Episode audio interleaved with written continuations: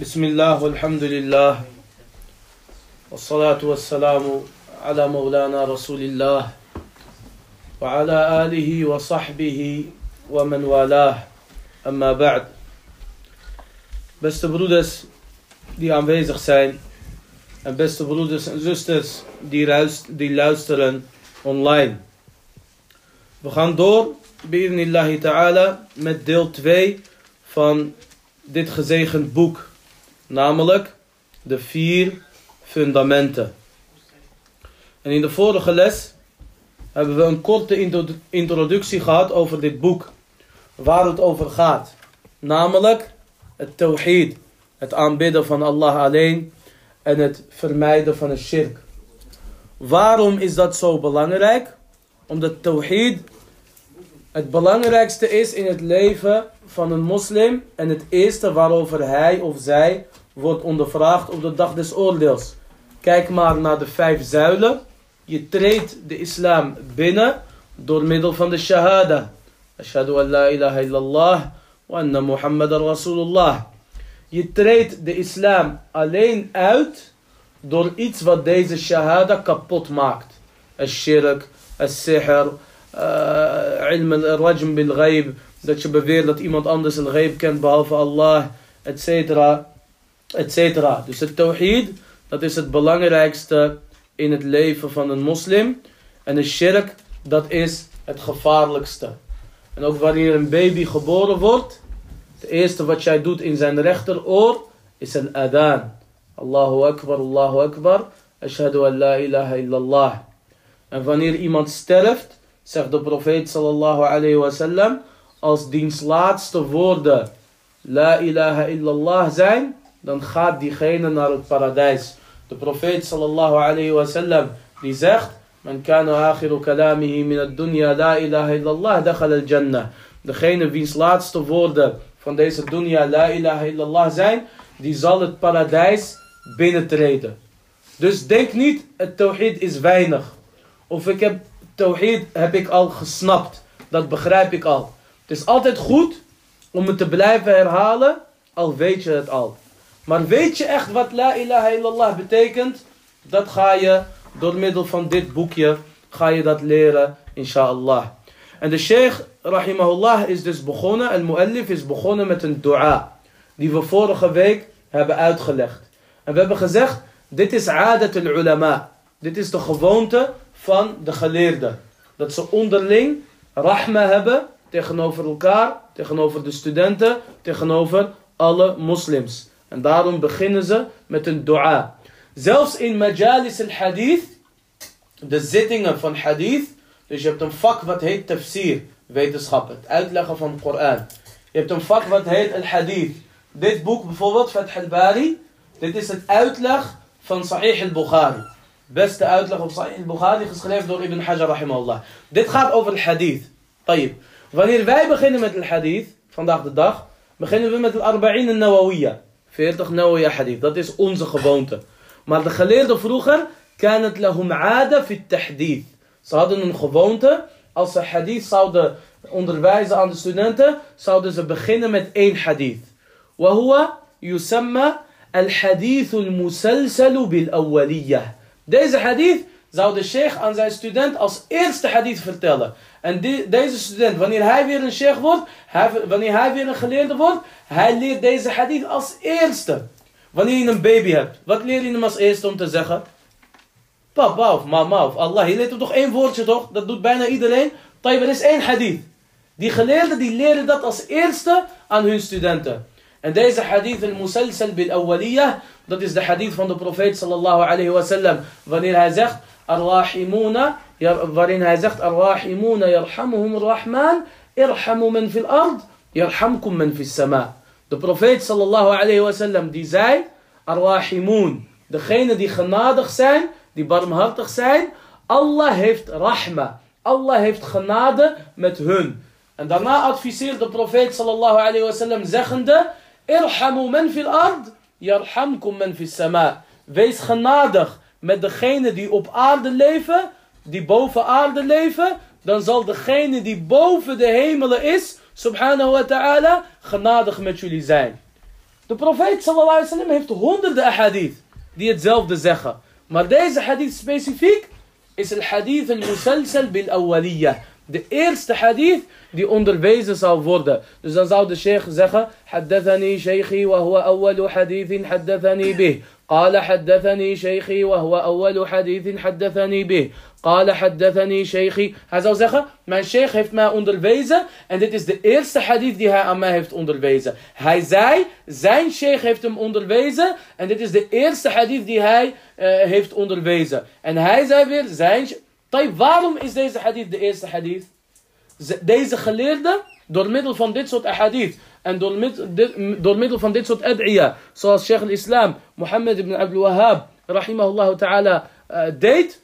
Hij leert ons dat het doel van deze kennis, het doel van nashr al-ilm, van het verspreiden van kennis, is het tarahum bijna al-muslimin. Is om genadig tegenover elkaar te zijn. En niet hoogmoedig tegenover elkaar te zijn, of bot of hard. Laat staan dat we over elkaar roddelen of slecht over elkaar spreken. Vandaag zien jullie mij in de les. En ik zie jullie in de les. En jullie zien elkaar in de les. Morgen komen we elkaar tegen in een supermarkt of een markt of een vliegveld of waar dan ook. Ga je naar elkaar glimlachen of niet?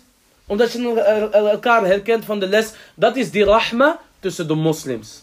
Dat is de rahma tussen de moslims. En de zittingen van kennis, majalis al-ilm, zijn zittingen van rahma. En daarom zeiden we, zoals we de vorige week hebben gezegd, dat de profeet sallallahu alayhi wasallam zei, dat wanneer er kennis, zittingen zijn van kennis, dan dalen de engelen neer. Ghashiyatuhum rahma. Genade die daalt op hun neer. Wahaffatuhum malaika. En de engelen die gaan om deze zitting van kennis heen. وذكرهم الله في من عنده ونزلت عليهم السكينة. Rust daalt op hen neer en Allah die noemt de mensen die kennis opdoen, die noemt hij op boven de zevende hemelen. Waarom doet hij dat, subhanahu wa ta'ala? Omdat de mensen, deze mensen, hem zouden opnoemen in het dunya. Ach Marwan, de microfoon schijnt het niet meer te doen. Dus uh, kennis, barakallahu fikum, is genade. Vaak een man die heeft zijn trots. En een vrouw die heeft haar trots. Maar wanneer je tijdens de zittingen van kennis leert dat je genadig moet zijn met je vrouw en met je kinderen, dan kan je dat veel makkelijker omschakelen. Er was bijvoorbeeld een hadith dat een Bedouine kwam naar de profeet sallallahu alayhi wasallam. Een Arabi, een Bedouine, die kwam naar de profeet sallallahu alayhi wasallam. En hij zag de profeet sallallahu alayhi wasallam zijn kinderen of zijn kleinkinderen. Hij zag de profeet wasallam kusjes geven aan zijn uh, kleinkinderen. En deze Arabi, deze Bedouine, die stond versteld. Hij zei, kussen jullie de kinderen? Wallahi, ik heb tien kinderen, ik heb nog nooit eentje gekust. En hij denkt, dat is mannelijkheid. Misschien, hij weet niet. Radiallahu an. Is niet erg. Hij is naar de profeet sallallahu alaihi wasallam gekomen om te leren. En hij weet van zichzelf, hij is man. Hij is dapper. Maar hij weet ook, de profeet sallallahu wasallam, die is veel dapperder. En veel mannelijker dan hem, toch of niet? Maar wanneer hij ziet radiallahu anhu, dat de leider van de mensheid, Mohammed sallallahu alayhi wasallam, zijn kinderen kust. En een keer was de profeet sallallahu had hij gasten. Toen was de vrouw van de profeet boos, omdat een andere vrouw eten had gestuurd. Aisha pakt dat bord, ze maakt dat bord kapot voor de ogen van de gasten. Moet je je voorstellen, je hebt gasten thuis en je vrouw breekt een bord voor iedereen. Ga je boos worden of niet?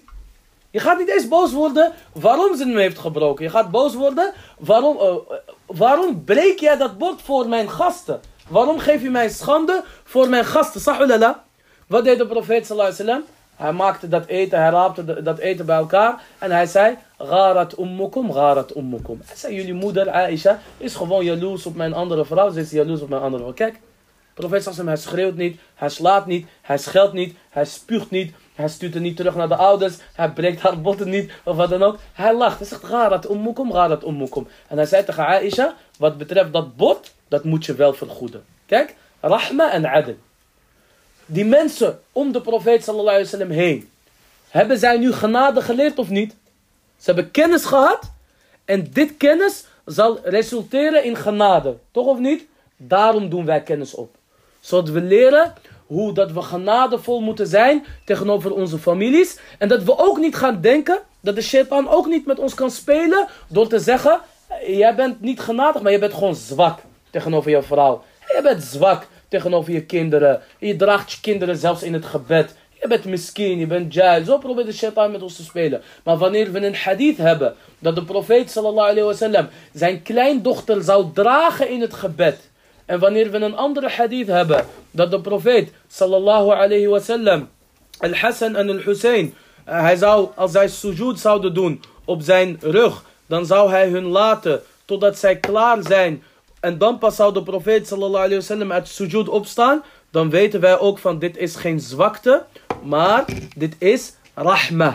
Dit is rahmah en dit hebben wij geleerd van de profeet sallallahu alayhi wasallam. Dus de zittingen van kennis zijn zittingen van genade. Je leert de, de Bedouinen, hij zei ja Rasulallah, hij zei ik heb tien kinderen, ik heb nog nooit eentje gekust. En de profeet sallallahu alayhi wasallam die zei tegen hem, kan ik er wat aan doen dat Allah rahma van jouw hart weg heeft gehaald? Hij zei, kan ik er wat aan doen dat Allah genade van jouw hart heeft weggerukt? En in een andere hadith zei de profeet sallallahu alayhi wasallam, men la yarham, la yurham. Hij zei, degene die geen genade heeft, die zal ook geen genade ontvangen.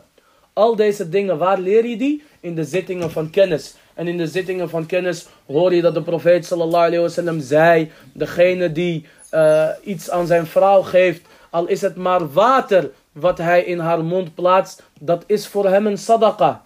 En in de zittingen van kennis hoor je dat de profeet sallallahu wasallam expres zou eten van dat stukje vlees of dat stukje bot waar Aisha radiallahu anha van had gegeten. En je, je hoort in de zittingen van kennis dat de profeet sallallahu alayhi wasallam expres zou drinken en hij zou zijn van dezelfde beker als Aisha. En hij zou zijn lippen plaatsen op de plek waar zij haar lippen heeft geplaatst. Al deze dingen hoor je in de zittingen van kennis. En dan begrijp je ook dat dat niks wegdoet van jouw mannelijkheid. Sterker nog, dat dit jouw positie vergroot bij Allah Azza Hierom is de sheikh, rahimahullah ta'ala, begonnen met het dua. Begonnen met het dua om jouw hart te verzachten voor het accepteren van de waarheid. En de grootste vorm van de waarheid, dat is waar deze lezing vandaag over gaat. En dat is het tawhid, het aanbidden van Allah alleen. Het aanbidden van Allah alleen. Ibn Abdul Wahhab, rahimahullah ta'ala, zegt, hij zegt, rahimahullah ta'ala, اعلم أرشدك الله لطاعته أن الحنيفية ملة إبراهيم. Het Hanafisme is de milla van Ibrahim. Let op. Al-Hanifiyah. En niet Al-Hanafiyah. Al-Hanafiyah, dat is de madhab van Abu Hanifa, rahimahullah. Dat is in fiqh, daar hebben we het niet over. We hebben het over Al-Hanifiyah. Al-Hanif, dat is iemand die weg is van de shirk. En de taalkundige betekenis van Al-Hanif is iemand die eigenlijk scheve benen heeft. Ken je dat? Je hebt O-benen en je hebt X-benen, toch? O-benen die gaan zo naar elkaar toe. Maar x-benen, die ontmoeten elkaar bij de knieën en de voeten zijn van elkaar verwijderd, toch of niet? X-benen. Zo gaan ze en dan die voeten die gaan uit elkaar als een X. Moet je maar een keertje googlen opzoeken. X-benen. Dat is al-Hanif. Waarom wordt Ibrahim al-Hanif genoemd? Omdat hij ver verwijderd is van de shirk. Dus de shirk gaat één kant op en hij gaat andere kant op. Net als die X-benen. Die x-benen, de ene, de ene voet gaat de andere kant op. En de andere voet gaat de andere kant op. Sahulala. En Allah Azza wa ik leg dit uit niet zomaar. Allah zegt in de Koran. وَاتَّبِعْ مِلَّةَ إِبْرَاهِيمَ حَنِيفًا وَمَا كَانَ مِنَ الْمُشْرِكِينَ Allah die zegt tegen Mohammed sallallahu alayhi wa sallam. En hij zegt tegen ons allemaal. Volg het pad van Ibrahim. En hij was een hanif. Of volg het pad van Ibrahim als een hanif. وَمَا كَانَ مِنَ الْمُشْرِكِينَ En hij behoort niet tot de veel goden aanbidders. Hij is een hanif. Wat is een hanif? Shirk is daar, hij is daar. Dus hij komt niet in de buurt van de shirk. Vandaag de dag zeggen ze, Oestad barakallahu fik, mag ik naar de kerstmarkt? Ik vier geen kerst, maar ik vind het gezellig. Allah irda alek, wat vind je gezellig? Dat ze zeggen dat Isa een zoon had? Vind je dat gezellig? Barakallahu fik. Je hebt de tawhid niet begrepen. Een moslim, een muwahid, iemand die echt gelooft in la ilaha illallah, maar vooral iemand die la ilaha illallah begrijpt, hij blijft uit de buurt van de shirk. Moet je voorstellen dat de imam Ahmed ibn Hanbal, hij zou zeggen, La astati'u an andura ila wajhi nasrani. وهو يعلم أن النظر إلى النصراني حلال. Ahmed ibn Hanbal, rahimahullah, hij zegt, ik kan niet kijken naar een christen.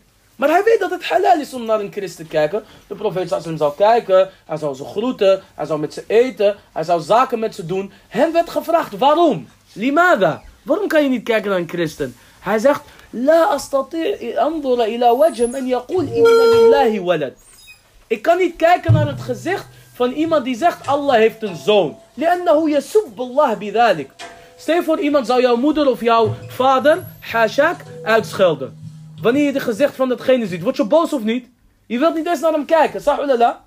Imam Ahmed, van zijn grote liefde tegenover Allah azawajal, hij kon niet eens kijken naar een christen. Hij zegt, want ze schelden Allah uit. Hij zegt, ik vind het niet leuk dat ze, Allah, dat ze tegen Allah zeggen dat hij een zoon heeft. Want daarmee zeg je eigenlijk, wanneer je zegt dat Allah een zoon heeft, en hier komen we later op, je zegt eigenlijk dat Allah zwak is. Waarom? Jij en ik hebben tien zonen nodig. Dat ze ons gaan verdedigen wanneer we worden aangevallen en wanneer we het moeilijk hebben. Allah heeft dat niet nodig.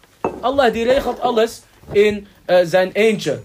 Dus zover ging de liefde uh, van dit soort geleerden. Taban, dit soort geleerden leefden in een islamitisch land, Allah barak fikum. Niet dat iedereen, niet dat iemand vandaag in Nederland gaat zeggen, uh, ik kijk niet naar een christen. Je leeft in een christelijk land, Allah yadik. Dus dit vertellen wij zodat je de, de, de tawhid begrijpt. Zodat je de tawhid begrijpt. Allah zegt dus in de Koran: Ibrahim hanifa. Wat is een hanif? Een hanif is iemand met x-benen. Yani ene voet gaat de andere kant en de andere voet gaat de andere kant. Yani shirk gaat die kant op, shirk gaat linksaf, jij gaat naar rechts. Dus alles wat met de shirk te maken heeft, dat vermijd je. Een amulet. Je zegt ja, maar uh, ik heb zo'n Cartier armband en het is gewoon mooi en ik zoek er niks achter. lacher, jij zoekt er niet ach niks achter. Maar wanneer je die omschrijving gaat lezen, dan zie je echt dat dit iets te maken heeft met heilzame stenen en dit en dat. Oké, okay, ik als moslim blijf daar weg van. Zoals in de hadith van de profeet sallallahu alayhi wasallam staat, dat iemand een kameel wou slachten in Buana. Wat zei de profeet sallallahu alayhi wasallam tegen hem? Hij zei, هل كان فيها عيد من أعياد الوثنية Een man had een nether gedaan. Nadara lillahi nadran. Hij had een belofte gemaakt. Hij wil een kameel slachten op een plek die heet Buana. En de profeet sallam die vroeg hem waarom. Sallallahu alayhi wa sallam. Hij zei, was daar een eid van de mushrikeen? Wat heeft dat ermee te maken? Hij wil slachten voor Allah toch? Niet voor de eid van de mushrikeen. Als dat een plek was waar de mushrikeen zouden offeren. De profeet sallallahu alayhi wa sallam. Die zou, daar, die zou hem dat verbieden. Waarom? Om de schijn tegen te gaan. Dus een moslim, als een shirk daar is, een moslim is daar.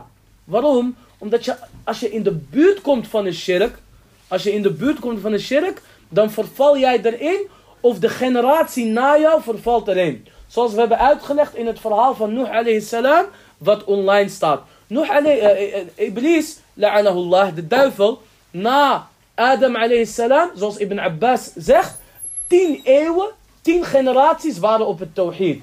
En daarna ontstond de shirk. Maar hoe ontstond de shirk? Je had eerst hele goede moslims. En deze goede moslims die stierven. Iblis, de duivel, die heeft genoeg tijd tot hij om een qiyamah. Hij is sowieso verloren in Jahannam. Dus hij heeft geen haast. En dat is iets wat wij moslims moeten begrijpen. Onze vijanden hebben geen haast in het bereiken van hun doelen. Dus ook wij moslims moeten geen haast hebben. Mensen zeggen, ja, waarom onderwijzen jullie alleen de tawhid? Waarom komen jullie niet tot actie? Welke actie? Ik kan een voedselbank voor je openen als je wilt. Jazakallah khair. Welke actie? Ik onderwijs kennis en ik deel eten uit aan de armen. Dat is wat ik kan doen. Meer dan dat kan ik niet doen. Aankomende generatie, die kunnen weer kijken hoe ver zij kunnen komen. Walakinnakum qawmun testa'jiloon. Zegt de profeet sallallahu alaihi wasallam. Maar jullie zijn een volk die zich haasten. Syrië. Ja Allah, we gaan naar Syrië. Egypte, waar ga je naartoe? Allah, barak. يا اودرز بيد مسخين يا بروتشيز شوية شوية. الاسترخاء يعني خلاص الكفار دي اوبن ان دور الله أعلم وات ات اس فالس فلاك وفات نوك يا خط أصلا ايديو دار ناتو ولكنكم قوم تستعجلون. يلي زان فولك دي زيخ هاست ان دارم زاد البروفيت صلى الله عليه وسلم اوك اوفر الخوارج. حدثاء الأسنان. سفهاء الاحلام Bi kalami van De profeet sallallahu alayhi wasallam die zei over eh, de Ghawaris, de extreme. Hij zijn mensen met melktanden en dwaze dromers. Ze hebben onrealistische dromen en ze hebben melktanden. Het zijn nog hele kleine jongens. En ze praten door middel van de ahadith. Maar deze ahadith die begrijpen zij niet. Al-Muhim. Dus Al-Hanif is iemand die uitnodigt naar het tawhid. En die leeft op het tawhid. En dat is het belangrijkste wat jij moet weten. Want de shaitan, toen hij kwam bij de, bij de mensen die moslims waren, hij zei niet gelijk tegen hun, verricht de shirk. Hij kwam met gotowaat, hij kwam met voetstappen. De goede mensen waren overleden. Dus die echte grote aanbidders, eigenlijk bijna heilige mensen, die waren overleden. Shaitan die zei tegen hun van, jullie missen hun hè? Kom, kom, we maken wat schilderijen, we maken wat standbeelden van hun. Zodat elke keer wanneer jullie bidden en jullie worden een beetje zwak, kunnen jullie naar hun kijken en dan worden jullie gemotiveerd. Klinkt goed, toch of niet? Klinkt niet slecht. Maar wanneer je weet dat de profeet sallallahu alayhi wasallam standbeelden en schilderijen van levende zielen heeft verboden, dan weet je, ik moet hier een grens trekken. Ik moet hier een grens trekken. Waarom weet ik niet? Maar ik weet wel, de profeet sallallahu heeft dit verboden. Dan ik ga je uitleggen waarom. Allereerst, de engelen die komen een huis niet binnen waar een portret, een schilderij van een levende ziel in zit. Laat staan een standbeeld. Als de engelen jouw huis niet binnenkomen, wat blijft over? Shaitan. Heel mooi broeder dat jij je moeder mist. Mogen Allah haar het paradijs schenken. Maar jouw moeder is in jouw gedachten. Je verricht sadaqa voor haar. Je verricht dua voor haar. Je verricht umrah voor haar. Je verricht hajj voor haar. Je plaatst een boek in de moskee, een Koran namens haar. Maar je kan niet haar portret in jouw huis ophangen, want de engelen komen niet binnen. En dan hebben de duivels vrij spel. Als jouw moeder zou, dit zou weten, zou ze zeggen, leg mijn afbeelding, mijn, mijn schilderij, daarom zou ze zeggen, haal hem weg. Ze zou zeggen, haal hem weg. Omdat jouw moeder nooit voor jou zou willen dat de duivel in jouw huis zal zitten. Dan je volgt de wil van Allah en daarna de wil van jouw moeder. Dus dit is de eerste reden waarom het verboden is. En de grootste reden waarom standbeelden verboden zijn, dat is omdat het een weg is naar een shirk. Dus de eerste generatie, die had van die standbeelden en die zou, dat zou voor hun een motivatie zijn tot het gebed. Tweede generatie keek er ook naar. En toen kwam de duivel en die zei tegen hun: Weten jullie waarom deze standbeelden hier zijn? Ze zeiden: Nee, onze ouders hebben dat gedaan. Weten wij veel waarom? Zeiden jullie ouders zouden deze standbeelden aanbidden? Ja, maar wij bidden toch Allah alleen? Ja, maar jullie zijn zondig. Jullie hebben zo'n paus nodig. Jullie moeten biechten om tot Allah te komen. Jullie moeten deze standbeelden vragen dat hun Allah vragen om jullie te vergeven. Zien jullie hoe een shirk is ontstaan? Met een zijweggetje. Met een zijweggetje. En dat zijn dus de wegen van een shaitan. Waarover Allah Azza wa zegt in de Koran. وَلَا تَتَّبِعُوا خُطُوَاتِ الشَّيْطَانِ En volg de voetstappen van de duivel niet. De profeet sallallahu alayhi wa sallam, die maakte een keer een streep in het zand. De profeet sallallahu alayhi wa sallam, die maakte een keer een streep in het zand. Gewoon één lange streep. En hij maakte kleine streepjes aan de zijkanten van deze lange streep. Van rechts en van links. En toen zei de profeet sallallahu alayhi wa sallam, hij reciteerde het vers van Allah azza wa jal. وَأَنَّ هَذَا صِرَاطِي مُسْتَقِيمًا فَاتَّبِعُوهُ وَلَا تَتَّبِعُوا السُّبُلِ Allah die zegt in de Koran, en dit is mijn rechte pad, volg deze. En volg de zijwegen niet. Wij zeggen toch elke keer in Surat al-Fatiha, Ihdina sirat al-mustaqim, leid ons tot het rechte pad. De profeet sallallahu alayhi wa sallam, die maakte een streep. En hij zei, dit is het rechte pad. En hij maakte kleine streepjes rechts en links. En hij zei, hadihi subul. Dit zijn de zijwegen. وعلى كل سبيل شيطان يدعو إليها. De profeet sallallahu alayhi wa sallam zei, en op elke zijweg is er een duivel die er naar uitnodigt. Of het nou een Shi'i-duivel is, of een Sofi-duivel, of een feministe, of LGBZ, weet ik het veel allemaal. Al-Muhim, elke zijweg heb je een duivel die er naar uitnodigt. Je hebt een duivel die er naar uitnodigt. En die duivels zijn heel makkelijk te ontdekken. Zoals de Europeanen zeggen, follow the money. En dan weet je aan het einde wie de duivels zijn. Dat is allemaal niet belangrijk. Wat belangrijk is, is dat jij die rechte pad moet volgen. As-sirat al-mustaqim. Deze sirat al-mustaqim kan je niet volgen behalve met het tawhid. En wat belangrijk is om te zeggen, voordat ik terugkeer naar de inhoud van het boek, is dat de profeet sallallahu alaihi wasallam heeft gezegd, zoals Allah zei, وَأَنَّ هَذَا صِرَاطِ مُسْتَقِيمًا فَاتَّبِعُوهُ Dit is mijn rechte pad, volg die dan. En in Surah al-Fatiha zeg jij, Ihdina sirat al-mustaqim. Leid ons tot het rechte pad. Tayyib. Dit pad heeft een einde. Dit pad, sirat al-mustaqim, heeft een einde. Want uiteindelijk vindt het goede van het slechte. Toch of niet?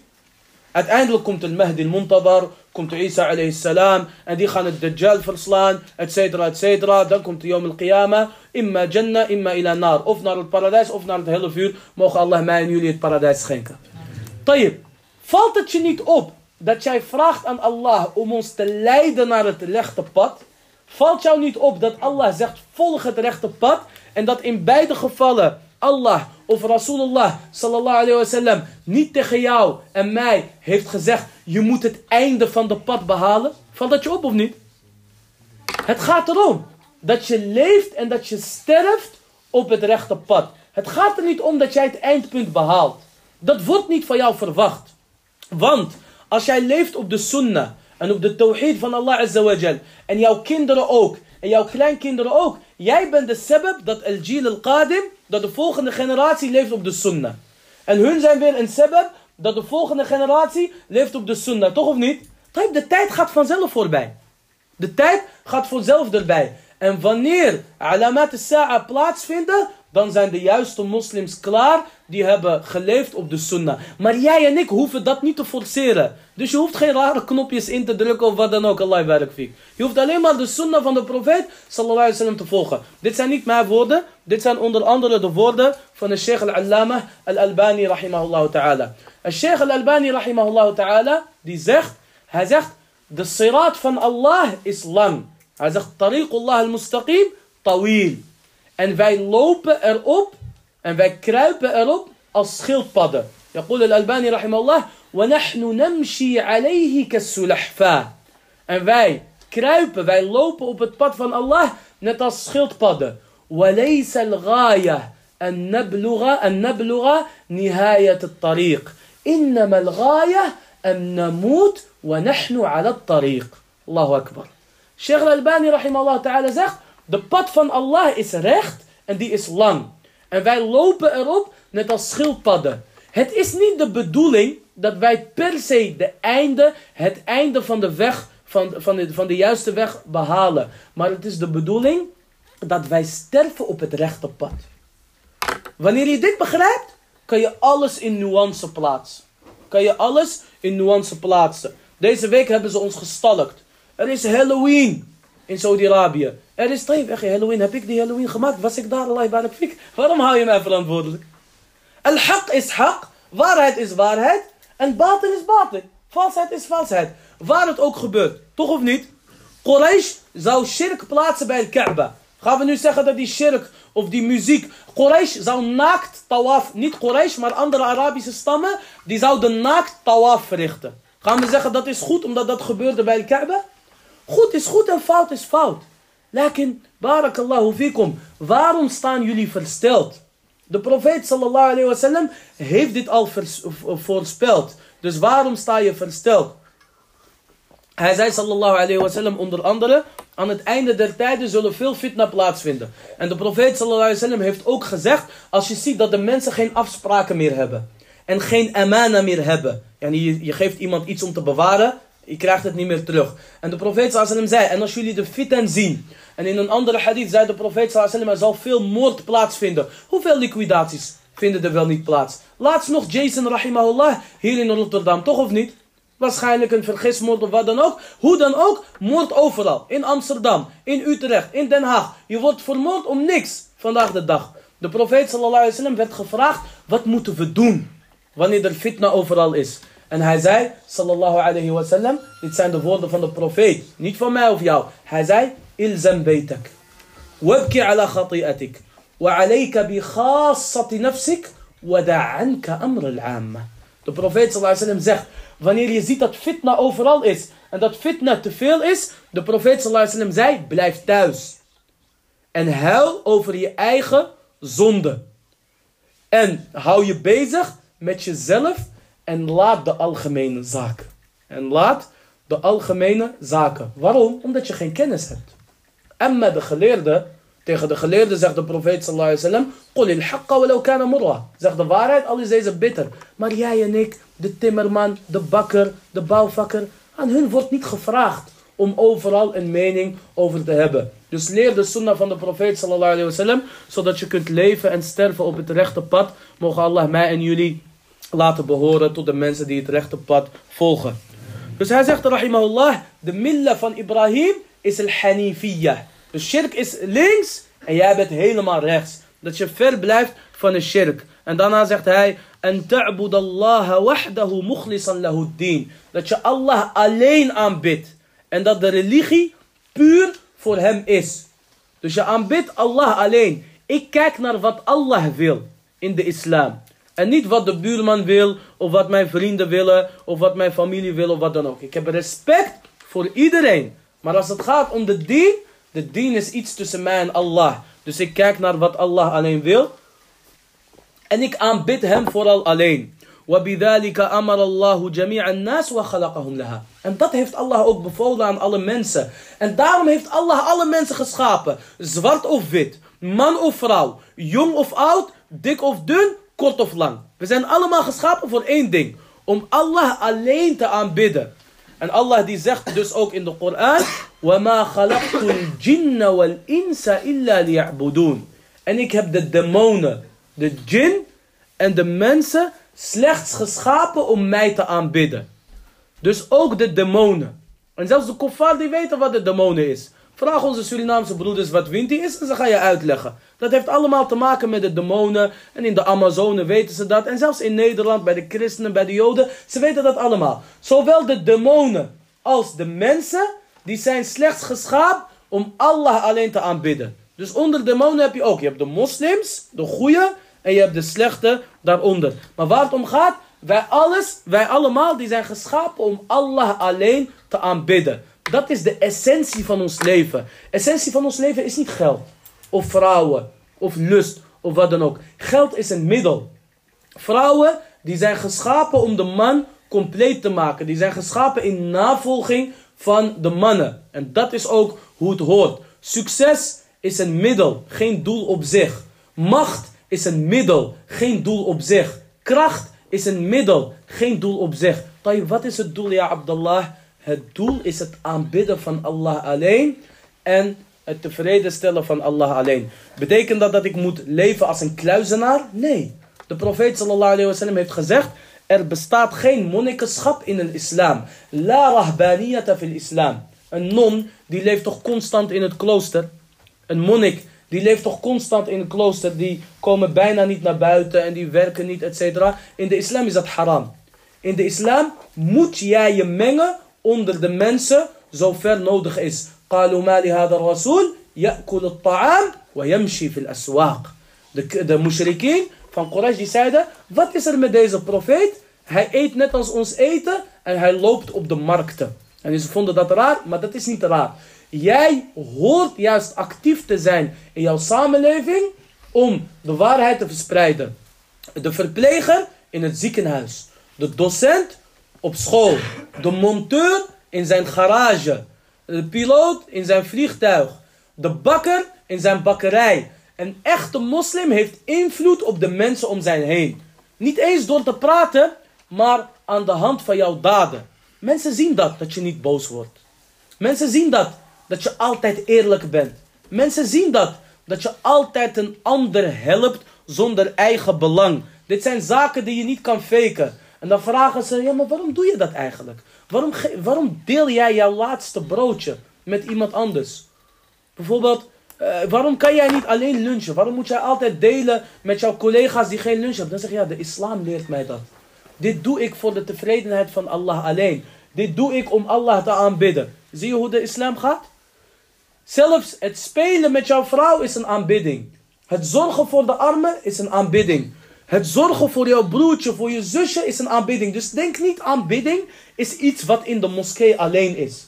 Aanbidding is overal. Op jouw baan, tijdens jouw vakantie, tijdens jouw werk, tijdens jouw studie. Zelfs wanneer je aan het sporten bent. Je sport met de juiste intentie om een sterke persoon te zijn die zijn familie kan helpen en om sportief te blijven is een aanbidding. Maar er is één ding belangrijk in al deze ibadat, in al deze aanbiddingen, namelijk dat je dit voor Allah alleen doet. Oftewel, je intentie, je hart.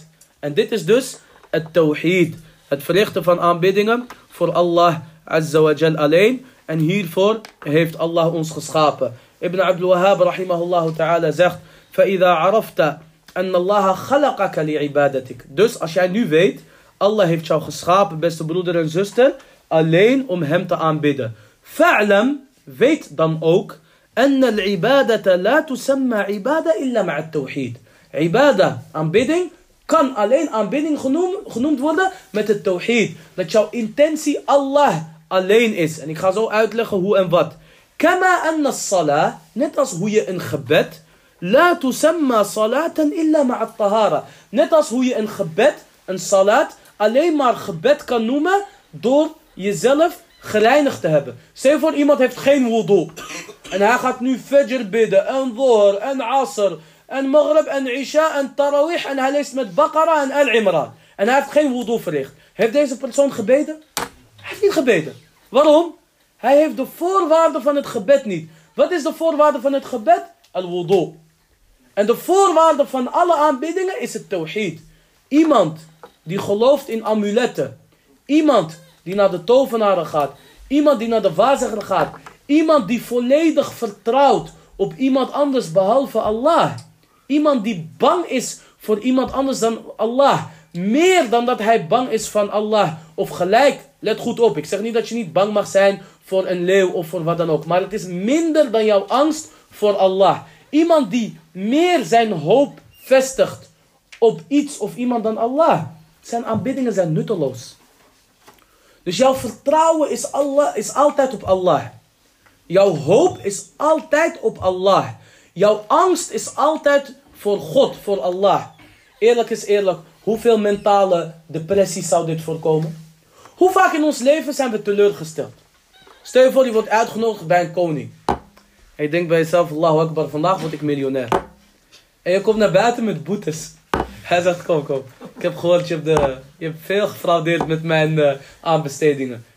Ga je depressief naar buiten toch of niet? Je gaat depressief naar buiten. Maar wanneer je naar binnen gaat bij die koning. En je denkt, ja, misschien geeft hij me, misschien niet. Maar ik vertrouw op Allah alleen. En ik weet dat mijn rizq voorgeschreven staat. Je gaat naar binnen en hij geeft je niks, je loopt naar buiten. Ben je depressief? Nee. Je zegt, alhamdulillah, was mijn rizq niet. Je gaat naar binnen, hij bedreigt je. Je loopt naar buiten. Ben je bang? Je zegt, nee. Hij kan alleen maar iets doen als Allah dat wil. Zie je hoe die vertrouwen op Allah jou kan maken of breken? Jouw vertrouwen op Allah zorgt ervoor dat jij een bewuste moslim bent. En dat jij mentale depressies voorkomt. En een van de grootste redenen waarom mensen zelfmoord plegen of mentale depressies hebben, is omdat zij teleurgesteld geraakt zijn in het leven. Maar leg mij uit, hoe kan jij teleurgesteld staan in het leven als Allah centraal staat en als jij gelooft in het lot? En daarom zei Luqman alayhi salam, de wijze donkere man Luqman. En er staat een hele sora naar hem vermeld in de Koran. En hij heeft een geweldig advies. En die staat ook verteld in de Koran. Idh qala Luqman, toen Luqman, de wijze donkere man Luqman. Qala libnihi. Hij zei tegen zijn zoon. Wa huwa ya'iduhu. Terwijl hij hem advies gaf. Wat was het eerste advies wat Allah gaf in de Koran? Wat Luqman gaf in aan zijn zoon? Zoals staat in de Koran, zoals is, is verteld en uitgesproken is door Allah. Ja bunayya, la tushrik billah. O mijn zoon, ken geen deelgenoten aan Allah toe. Inna shirka la zulmun azim. Want shirk is een grote, grote onrecht. Weet je wat je doet als je shirk, als je shirk pleegt? Is net alsof je een auto hebt die rijdt op benzine en je gooit er diesel in. Die auto gaat niet meer vooruit. Eén kilometer en hij valt uit. En shirk, dat is datgene wat alles vernietigt. En daarom zullen we ook hierop hameren. En zullen we een aantal vormen van het tawhid en de shirk uitleggen. Dus gebed kan geen gebed genoemd worden, behalve met reinheid. En daarom kan aanbidding ook geen aanbidding genoemd worden, behalve met tawhid. Ibn Abdul Wahhab rahimahullah ta'ala zegt فَإِذَا دَخَلَ الشِّرْكُ فِي الْعِبَادَةِ فَسَدَتْ Dus als afgoderij, veel goderij, gemixt wordt met aanbidding, dan is die hele aanbidding ongeldig. tahara. Net als wanneer jouw reinheid verbroken wordt door iets wat jouw reinheid verbroken. Net als urineren of ontlasting of het laten van een windje, etc. Moet je dan uit het gebed of niet? Je moet uit het gebed. Je gebed is niet meer geldig. Zo ook een shirk. Als een shirk zich mengt met jouw aanbidding, jouw aanbidding is ongeldig. De auteur zegt, rahimahullah, dus wanneer jij nu weet dat de shirk jouw aanbidding verpest. En wat doet de shirk ook? Als jij nu, staghfirullah, naar een tovenaar zou gaan, of koffer zou plegen, of wat dan ook, al jouw voorgaande aanbiddingen, die tellen niet meer. Jouw hajj, jouw siyam, jouw sadaqa, etc. Die tellen niet meer. Die tellen niet meer. En als je zo sterft, dan eindig je in het helle vuur. Dan weet je dat het belangrijkste is voor jou dat je de tawhid begrijpt, zodat Allah jou bevrijdt van het shirk netwerk. Van het shirk netwerk. Waar is uh, shirk netwerk? We leven toch in uh, 2023. Kijk naar die schoenen die we dragen. Eén schoen noemen ze Israfil. Andere schoen noemen ze Mikael. Ze geven je t-shirts. In gold we trust. Allahu akbar. In God we trust. We, we, vertrouwen op Allah azawajal. Zie hoe die shirk overal is? Armbanden met amuletten. Uh, bepaalde, uh, bepaalde, bepaalde films. Zoals Home Alone en Harry Potter, etc. Vol met shirk. Zit vol met shirk. De profeet sallallahu alayhi zegt. Degene die luistert naar een waarzegger. Degene die, van de profeet sallallahu zegt. Degene die een waarzegger bezoekt. Zijn gebed wordt 40 dagen niet geaccepteerd. Het bezoeken van een waarzegger. Sheikh al-Fawzan Allah eh, zegt dat geldt ook voor het lezen van een horoscoop. Als je alleen maar die horoscoop leest, je gebeden worden 40 dagen niet geaccepteerd. En als je erin gelooft, ben je een kafir. Het laat staan degene die films gaat kijken van sihr, et cetera. تحسبونه هينا ولكنه عند الله عظيم. Jullie denken dat het makkelijk is. Wallahi, het is zwaar bij Allah Azza wa Jal. Als je om je heen kijkt, je ziet veel shirk. En pas op. En pas op, want jij kan het misschien overleven. Maar wanneer jij je kinderen geen tawhid, geen tawhid onderwijst, dan worden hun opgevoed met zaken waarvan ze denken dat het normaal zijn. Maar het is niet normaal. Zoals Halloween, duivelfeesten en uh, vele andere feesten, net als kerst, etc. etc. En waarom is dit zo belangrijk? Omdat als je sterft op een shirk, dan eindig je in de hel. Allah Azawajal vergeeft alle zondes als hij wil. Zina, overspel, uh, diefstal, moord, etc. Het zijn grote zondes. Maar als zo iemand sterft, zonder berouw getoond te hebben, als hij berouw toont, dan telt het niet meer. Inshallah, oprecht berouw. Maar als hij sterft met die zonde, dan valt hij onder de wil van Allah, onder de Mashi'a. Insha'a adhabahu wa insha'a rahimah. Als Allah wil, gaat hij die moordenaar vergeven. En als hij wil, gooit hij hem eerst in het helle vuur om te branden en te lijden. En daarna naar het paradijs. Tayyip? Dus voor alle grote zondes kan er uiteindelijk een uitweg zijn. Behalve voor één zonde. Eén zonde kent geen uitweg. Wat is die zonde? Allah Azza wa Jal zegt in de Koran: Inna Allah la yaghfiru an yushraka bih. Wa yaghfiru ma duna dhalika liman yasha. Allah die vergeeft het niet dat afgoderij wordt gepleegd. Dat aan hem deelgenoten worden toegekend. En alles wat daaronder zit, vergeeft hij als hij dat wil. Aan wie hij dat wil. Dus dat jij Jezus aanbidt, of dat jij Mohammed aanbidt, zoals ze hebben gedaan, de mushrikeen, in de verjaardag van de profeet, sallallahu alayhi wasallam, dat vergeeft Allah niet. Jij bent geen moslim meer. Let op, ik zeg niet iedereen die Maulid viert is mushrik. Nee, ze hebben wel allemaal een bid'a gepleegd. Maar ze zijn geen mushrikeen. Lekker, er zijn mensen, net als uh, sommige Torq Sofia, net als Al-Qadiriya en het Diobandiya en het Jishtiya en het Buchichiya, et cetera. Wat doen hun? Ze plaatsen een stoel. Kijk hoe gek ze zijn. En subhanallah, een bekeerde broeder vandaag de dag, hij zei dat doen ze bij ons in de kerk ook. Ze plaatsen een stoel, met Christmas gaan ze zingen. En op een gegeven moment staat eentje op, zegt hij Jesus, Jesus. Denkt hij dat Isa is gekomen en dat hij aanwezig is. Wat doen deze, wat doen deze mushrikeen van onder Sofia? Ze plaatsen ook een stoel. En dan beginnen ze met een amdah. Allahumma salli wa sallim, kada, kada, kada. En op een gegeven moment staan ze allemaal op. En dan zeggen ze... هذا الحبيب مع الأحباب قد حضر وسامح الكل فيما قد جرى ومضى.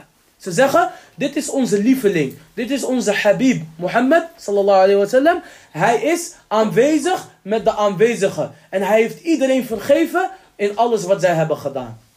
Shirk. De enige die vergeeft is Allah. De enige die kan maken en breken is Allah. Mohammed sallallahu alayhi wa sallam. Wij houden van hem met onze harten.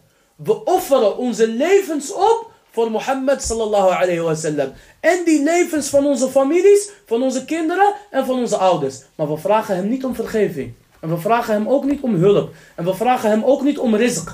Dat vragen we aan wie? Aan degene die leeft en nooit zal sterven. En dat is Allah azza wa. Hoe kan jij deze tawhid begrijpen? Dat is door het begrijpen van vier stelregels. En de eerste stelregel is dat je begrijpt, zoals Ibn Abdul Wahhab zei, en ta'lama anna al-kuffar, alladhina qatalahum Rasulullah sallallahu alayhi wa sallam, muqirruna بأن الله تعالى هو الخالق المدبر وأن ذلك لم يدخلهم في الإسلام. Eerste wat je moet begrijpen, om la ilaha illallah te begrijpen, is dat dit een gevecht is, of dat deze hele theologische discussie, die gaat om het feit dat Allah alleen aanbeden moet worden. Die gaat niet om het feit of Allah bestaat of niet. Dat is de discussie niet. Sommige mensen zeggen, ja maar hij is geen ongelovige. Of zij is geen ongelovige. Want ze gelooft in God. Want hij gelooft in God. Hij gelooft dat er een God bestaat. Nee, je bent nog steeds ongelovig. Je bent geen atheïst. Je bent geen atheïst. En je bent ook geen agnost. Agnosten zijn mensen die twijfelen. Die zeggen het kan dat God bestaat. En het kan, uh, kan ook dat hij niet bestaat. Jij gelooft in het bestaan van God. Maar dat maakt jou geen gelovige. Wanneer ben je een gelovige? Let op. Wanneer je Allah alleen aanbidt. Dus je aanbidt geen engelen. Je aanbidt geen mensen. Je aanbidt geen klavertje vier.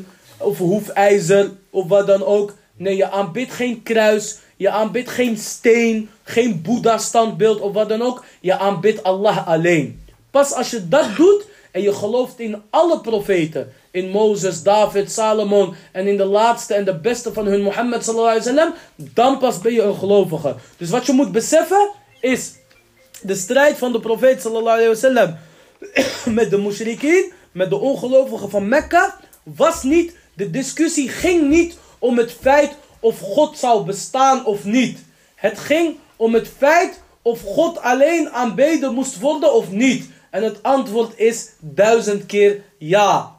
En daarom had uh, Quraysh ook 360 afbeeldingen om het Kaaba. Maar ze zouden ook tawaf verrichten. En ze zouden zeggen, labbaik Allahumma labbaik, labbaik la sharika lak, illa sharikun huwa lak tamlikuhu wa ma malak. Ze zouden zeggen, oh Allah, labbaik, hier zijn wij tot uw dienst. Labbaika la sharika lak. O Allah, er is geen deelgenoot die uh, tot u behoort. En de profeet sallallahu alaihi wasallam die zou zeggen, stop hier, stop hier. Maar ze zouden doorgaan. Ze zouden zeggen, behalve een deelgenoot die ook van u is, u bezit hem en alles wat hij bezit. Dus ze zouden zeggen, o Allah, wij aanbidden u, maar we aanbidden ook mensen of dingen naast u. En daarom zeiden de mushrikien tegen een van de profeten: Aja'al al-alihatu, aja'al al-aliha, ilaha wahida, inna hada shay'un ujab. Ze zouden zeggen: Hebben de goden besloten dat er maar één God is? Dit is raar. Dus wat zouden zij verrichten? Afgoderij. Het aanbidden van meerdere zaken. Eh, het plaatsen van een Boeddha-beeld die je voor 3 euro kan kopen bij de Action. Dan vraag je maar af welke God alleen maar 3 euro waard is. In een huis is niet onschuldig. Is geen decoratie. Het is shirk. De engelen komen niet binnen. En Allah Azza die kan woedend om je zijn. Om zoiets. Dus nogmaals. Denk niet dat wij overdrijven. Maar denk en besef dat het tawhid het belangrijkste is. En daarom zeg jij ook. Ashhadu an la ilaha illallah. Tayyip, ik stel jullie een vraag. Stel je voor, la ilaha illallah. Jij zou er één seconde aan twijfelen. Of jij zou er één minuut niet aan geloven. Ben je nog moslim? Je bent geen moslim meer. Dus la ilaha illallah is het belangrijkste.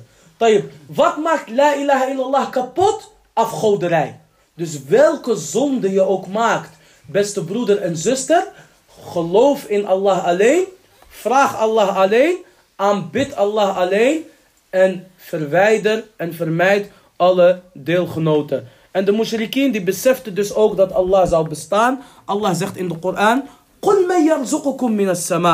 Zeg o Mohammed tegen deze kuffar. Wie voorziet jullie? Wie voorziet jullie vanuit de hemel? Yani wie geeft jullie water? Wal ard. En vanuit de grond. Yamliku as-sam'a absar. En wie bezit eh, de, de, de kracht en de macht over het gehoor en over zicht. وَمَنْ يُخْرِجُ الْحَيَّ مِنَ الْمَيِّتِ وَيُخْرِجُ الْمَيِّتَ مِنَ الْحَيِّ En wie is degene die uit een dode een levende opwekt en uit de levende de dode? وَمَنْ يُدَبِّرُ الْأَمْرِ Zeg, o Mohammed tegen de mushrikeen, wie is de regelaar? فَسَيَقُولُونَ اللَّهِ Zij zullen zeggen, dat is Allah. Dat is God. De enige God. De enige Allah. أَفَلَا تَتَّقُونَ Vrezen jullie Allah dan niet? Dus kijk, als je aan een mushrik, als je aan een Qurashid zou vragen, wie geeft de regen? Ze zouden zeggen Allah. Die mushrikien bij ons zeggen Anzar geeft de regen. Die zeggen Anzar geeft de regen. En tot de dag van vandaag is, is voor regen in het Berbers, het synoniem voor regen is Anzar. Anzar hada ilah. Yu'bad min dunillah. En zijn vrouw is Tesrit. Maar dat is een andere discussie. Dit zijn shirk woorden die nog steeds bij onze volkeren aanwezig zijn. En deze woorden moeten we ver, ver, verwijderen. We zeggen gewoon Yudshta. Zeggen gewoon Tashta, wat je ook wil zeggen. Zeg gewoon regen. Kijk, ook in onze dagelijkse woorden. We zeggen Jeetje Mina. Toch of niet? We zeggen Jeetje. Dat is shirk. Je, je roept Jezus aan. Nog erger als je zegt Godverdomme. Ja, dan ben je helemaal gek. Dan verricht je dua tegen jezelf. Bepaalde woorden moet je verwijderen. Het is niet zo omdat je bent opgegroeid met iets dat het normaal is. Nee, denk na over wat je zegt en over wat je doet. En wees een bewuste moslim zonder te overdrijven. En als jij iets hebt geleerd na 20, 30 jaar, besef ook dat sommige mensen het niet weten. Dus benader de mensen billeti ahsan. Op een rustige, zachte manier met een inleiding leg je hem of haar uit. Luister, dit is shirk, dit kan je beter niet doen. Iemand heeft bijvoorbeeld zo'n blauwe oog, zo'n nazar. Je zegt tegen diegene, waarom is dit? Ja, dit is om mij te beschermen tegen boze ogen, et cetera. Je zegt tegen hem of haar, als ik deze ketting pak en ik smijt het nu tegen de grond. Kan deze ketting zichzelf beschermen tegen vernietiging en ongeluk? Nee, die ketting kan niet. Waarom denk je dat zo'n ketting jou kan beschermen? Zie je hoe je de mensen pakt? Rustig aan. Rustig leg je ze aan. Een christen, je zegt u aanbidt het kruis. U houdt van Jezus. Dat is heel goed. Maar het kruis, dat is het moordinstrument waarmee Jezus volgens u dogma is vermoord. Wij geloven dat niet. Wij geloven dat Isa salam nog steeds leeft. Dus je zegt tegen zo'n christen op een hele rustige manier. Stel je voor, uw familie wordt nu vermoord met een moordwapen, met een mes. Zou u dat mes ophangen en aanbidden? Of zou u dat mes haten om te zien? Zonder twijfel haten om te zien. Je haat om dat wapen te zien waarmee je eigen moeder is vermoord. Mogen Allah mij en jullie moeders beschermen. Dat kruis is een moordinstrument. Hoe kunt u een moordinstrument aanbidden of eren? Dan zeggen ze, ja, het doet me denken aan Jezus. Heb je niks anders gevonden om jou te doen denken aan Jezus dan het slechte?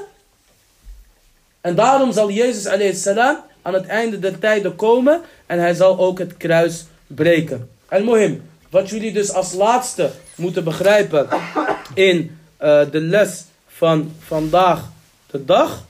Wat jullie dus uh, moeten begrijpen, barakallahu fikum, is dat de discussie tussen de profeet sallallahu alayhi wasallam en Quraysh niet was of God bestaat of niet.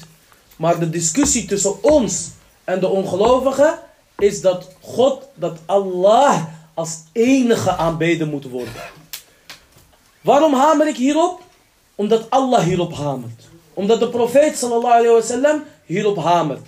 Waarom hamert de profeet sallallahu alayhi wasallam hierop? Omdat als jouw tawhid op orde is, de rest is ook op orde.